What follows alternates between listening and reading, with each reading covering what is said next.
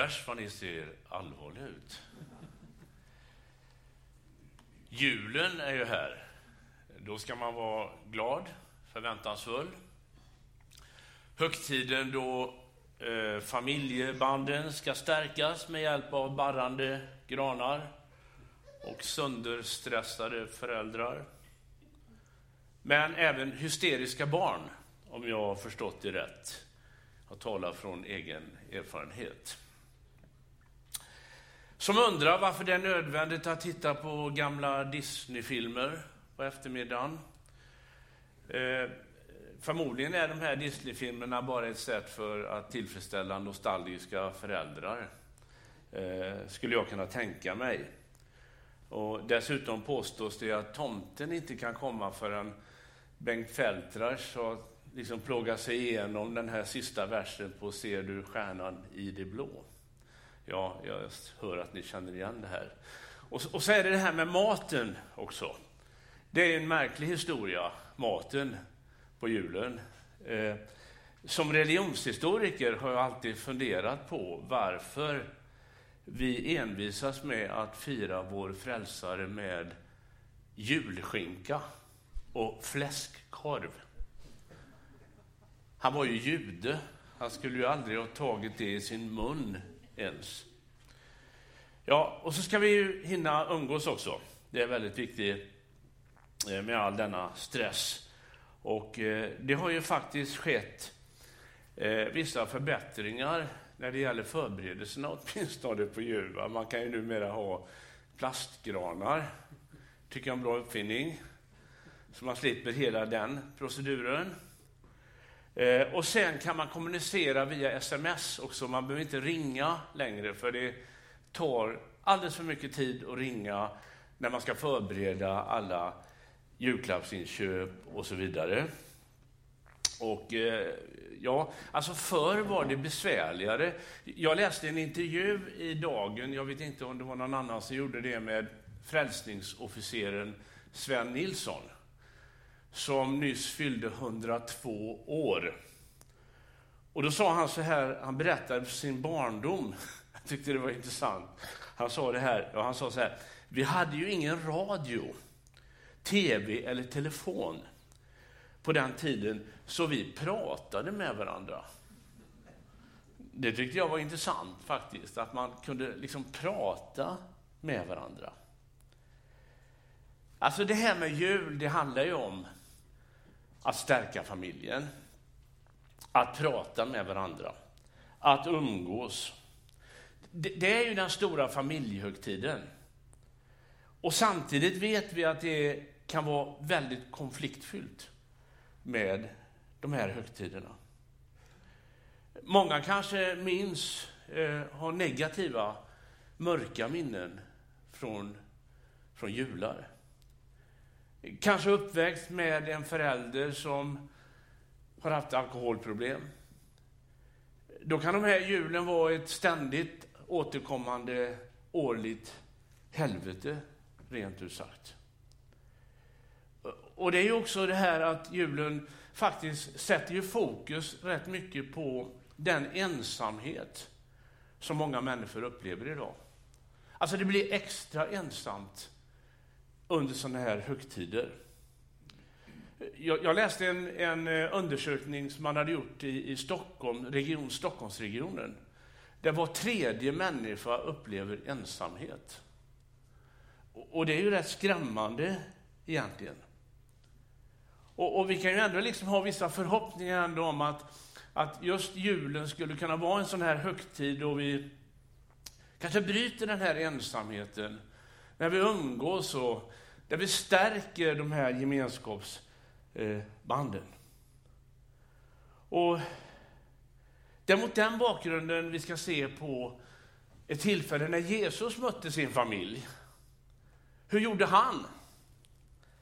Och det handlar ju om Maria den här söndagen. Och Jesus hade ju en stor familj. Vi tänker inte på det. Alltså enligt evangelierna så hade han fyra bröder och minst tre systrar. Alltså sju syskon. Så det var en jättefamilj. Och vi liksom kommer in i handlingen här när familjen söker upp Jesus och det är intressant att se vad som händer när Jesus möter sin familj. Och jag läser från Markus, det tredje kapitlet. Den här berättelsen finns i de andra evangelierna också. Så här står det. Nu kom hans mor och hans bröder. De stannade utanför och skickade bud efter honom. Det satt mycket folk omkring honom. Och de sa, din mor och dina bröder är här utanför och söker dig. Jesus svarade dem, vem är min mor och mina bröder? Han såg på dem som satt runt omkring honom och så sa han, det här är min mor och mina bröder. Den som gör Guds vilja är min bror, syster och mor. Alltså vi studsar ju till över de här orden när han säger, vem är min mor och mina bröder? Enligt Matteus, i hans version, så står det att de ville tala med honom. Och då undrar man ju förstås, vad var det de ville Jesus egentligen? Vad var det för ärenden de hade till Jesus? Vi vet inte. Men man kan ju spekulera lite grann. De kanske behövde hans hjälp, helt enkelt. Om Josef, vilket traditionen säger, dog ganska tidigt, då var ju Maria änka. Och då var det faktiskt äldste sonens plikt att gå in i den här rollen, sociala rollen och ta ansvar för familjen. Kanske var det det som Maria ville liksom påminna Jesus om. Ja, vi vet inte. Han ignorerar sin egen mor. Och det finns en präst som heter Sara Nesselqvist som skriver om den här texten. Inför predikan över den här texten, säger hon, så är jag väldigt irriterad på Jesus. Hur kan någon ha mage till att säga något sånt? Kanske var det så att Jesus skämdes över sin familj. Alltså, vi får ju spekulera fritt här. Han kanske tyckte det var pinsamt att de kom och sökte upp honom. Eh, ungefär som en del tonåringar ni vet, som skäms för sina föräldrar. Det var en annan undersökning jag, jag såg just om den frågan. Det är intressant. Vi visste ju det innan i och för sig. Men de hade listat ungefär vad det var för olika saker tonåringarna skämdes mest för. När det gällde just det där med kompisar som möter föräldrarna. Sådana här pinsamma situationer. Eh, när den, som när föräldern till exempel pratar om sånt som man inte vill att kompisarna ska, ska höra. Eh, det står även när undersökning att även sånginsatser för barn får barnen att råda. Föräldrars sånginsatser. Liksom när mamma och pappa ställer alltför närgångna frågor. Nästan 60 procent tyckte ibland eller ofta att föräldrarna klär sig pinsamt. Tajta kläder eller hatt är mest känsligt. Och, och, många svarar också att det är genant när föräldrarna går omkring i underkläder när kompisarna är hemma på besök.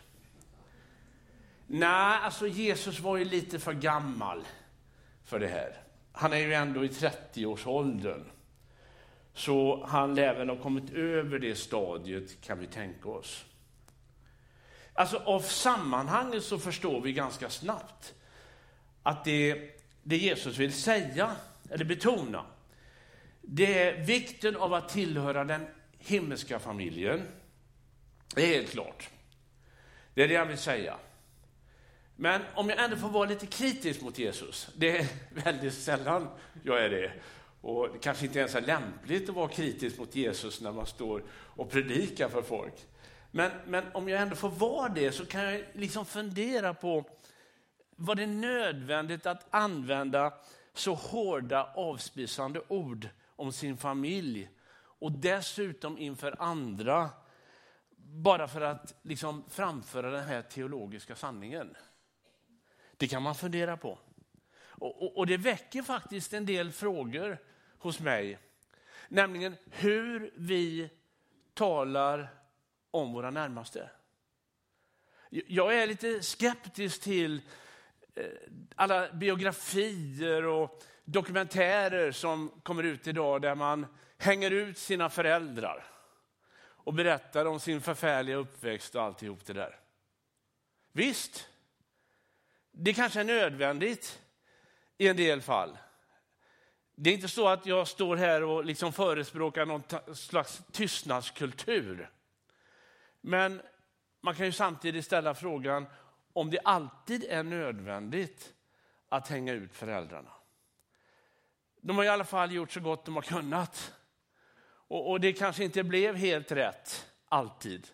Eller rättare sagt, det blir inte alltid helt rätt. Men det är inte så svartvitt som det alltid är. Det är bara en fundering som vi kan ta med oss från den här predikan också.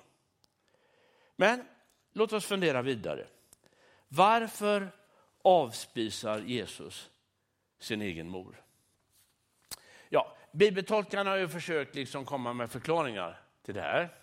Och en förklaring kommer från välmenande protestantiska teologer som hävdar att Jesus med sin ganska hårda ton mot Maria ville varna för att det skulle uppstå någon form av Mariakult som senare ägde rum i kyrkan.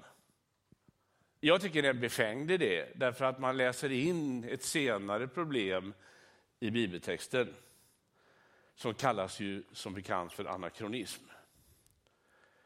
Katolska kyrkan skulle då beskyllas för att ägna sig åt Mariakult. Att be till Maria istället för, eller också, så att säga, komplettera tillbedjan till Gud med tillbedjan till Maria. Och det är en ganska seg, segdragen eller segsliten idé. Den här beskyllningen som protestanter liksom riktar sig mot när man ska förtala katolska kyrkan. Men lyssna vad katolska kyrkan säger själv. Så här står det i en text. Maria kallas vår moder och tillhör Guds familj eftersom hon gjorde hans himmelska faders vilja.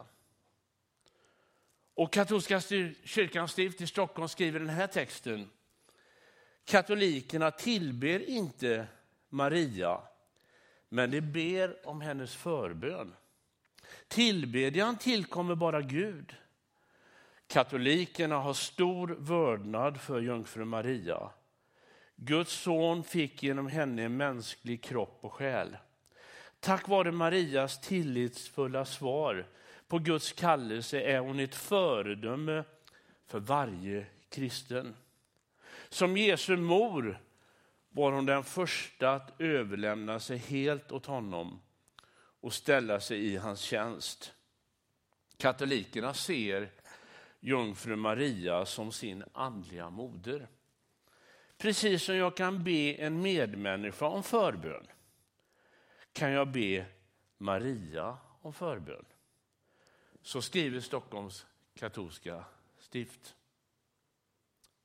En annan möjlighet det är att Maria och de övriga i familjen vid det här specifika tillfället inte var efterföljare till Jesus.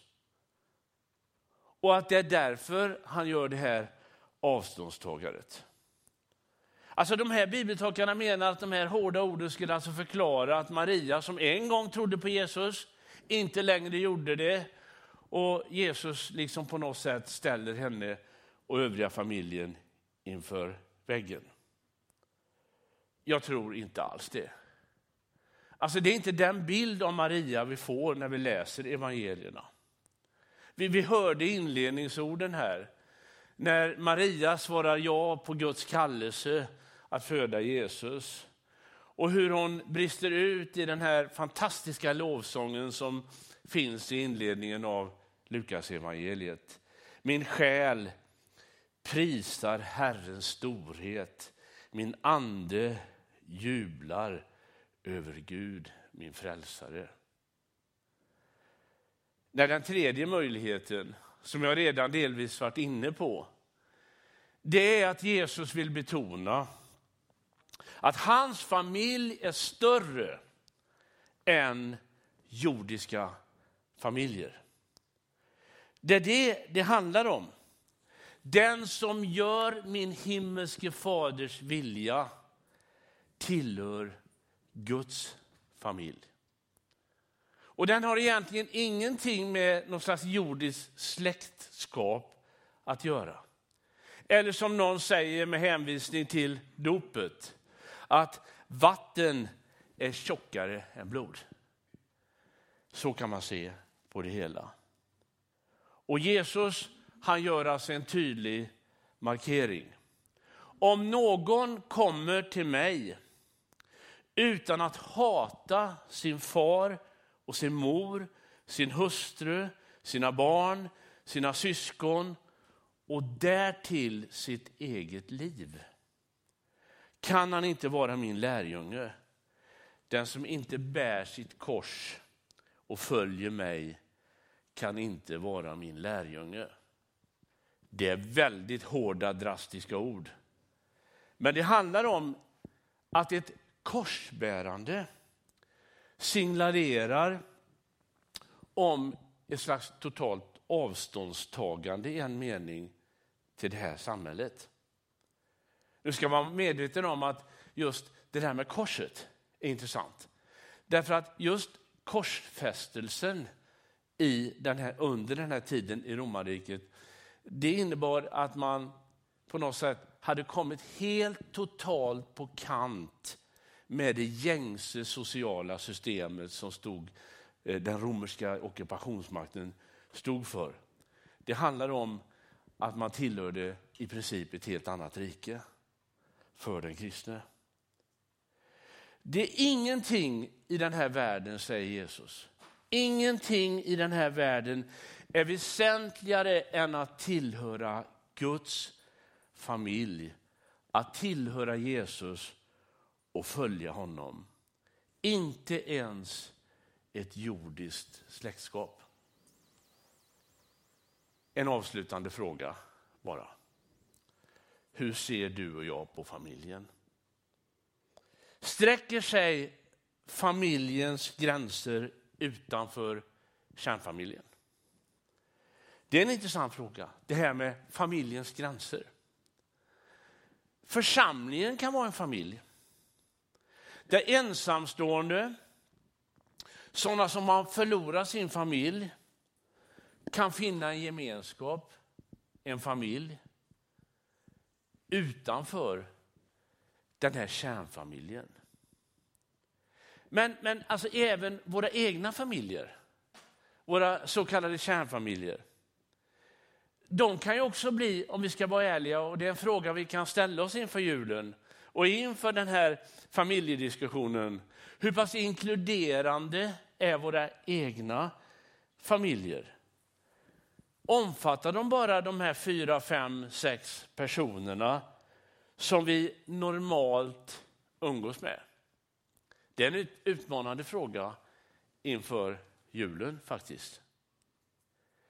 Att följa Jesus det innebär att bryta, eller våga bryta de här gängse normerna. Kanske var det därför som Jesus ibland framstår som så udda och så annorlunda. Han liksom passar inte riktigt in i de rådande normerna. Han gifte sig aldrig Jesus. Jag har alltid funderat på det. Varför gifte sig inte Jesus? När jag har sagt det ibland så har folk liksom blivit sura och liksom börjat bli upprörda, ungefär som att det var det värsta som skulle kunna hänt honom. Jag vet inte vad de har för erfarenheter av sina giftermål. Men han gifte sig aldrig Jesus. Och, och vi, vi, vi, förstår inte hur radikalt det var i det judiska samhället när han växte upp. Därför att det var det närmast att betrakta som en lag. Att man skulle gifta sig som man vid 18-årsåldern. Och, och, hade man inte gift sig när man var 21-22 så såg man väldigt suspekt på en sån person. Ni kan ju bara föreställa er att alltså Jesus han följde inte de gängse normerna. Och, och, och, det är en del av efterföljelsen. Det borde vi liksom tänka till inför. Ska vi liksom bara följa de gängse normerna eller ska vi bryta dem, göra någonting annorlunda i hans efterföljelse? Jesus ger ett ensamt intryck. När vi läser om honom i evangelierna, han är liksom en enstöring ibland. Han passade inte in riktigt. Och, och, och det, det, finns en närmast vemodig text i Johannesevangeliet. Bara en rad. Eh, Jesus hade varit tillsammans med folket en hel dag. Och så blev det kväll. Och så står det så här. Alla gick hem, var och en till sitt. Men Jesus gick till Olivberget. När alla andra gick hem, var och hem till sitt, så gick Jesus ensam ut på Olivberget. Han hade ingen varm famn att krypa in i på kvällen, som alla andra, utan han tillbringade natten ensam på Olivberget. Jesus var annorlunda. Och vi måste ställa frågan, vill vi följa Jesus? Eller tycker och tänker vi och handlar som alla andra? Och därför vill jag avsluta med orden igen som Jesus säger. Den som gör Guds vilja är min bror, syster och mor. Amen.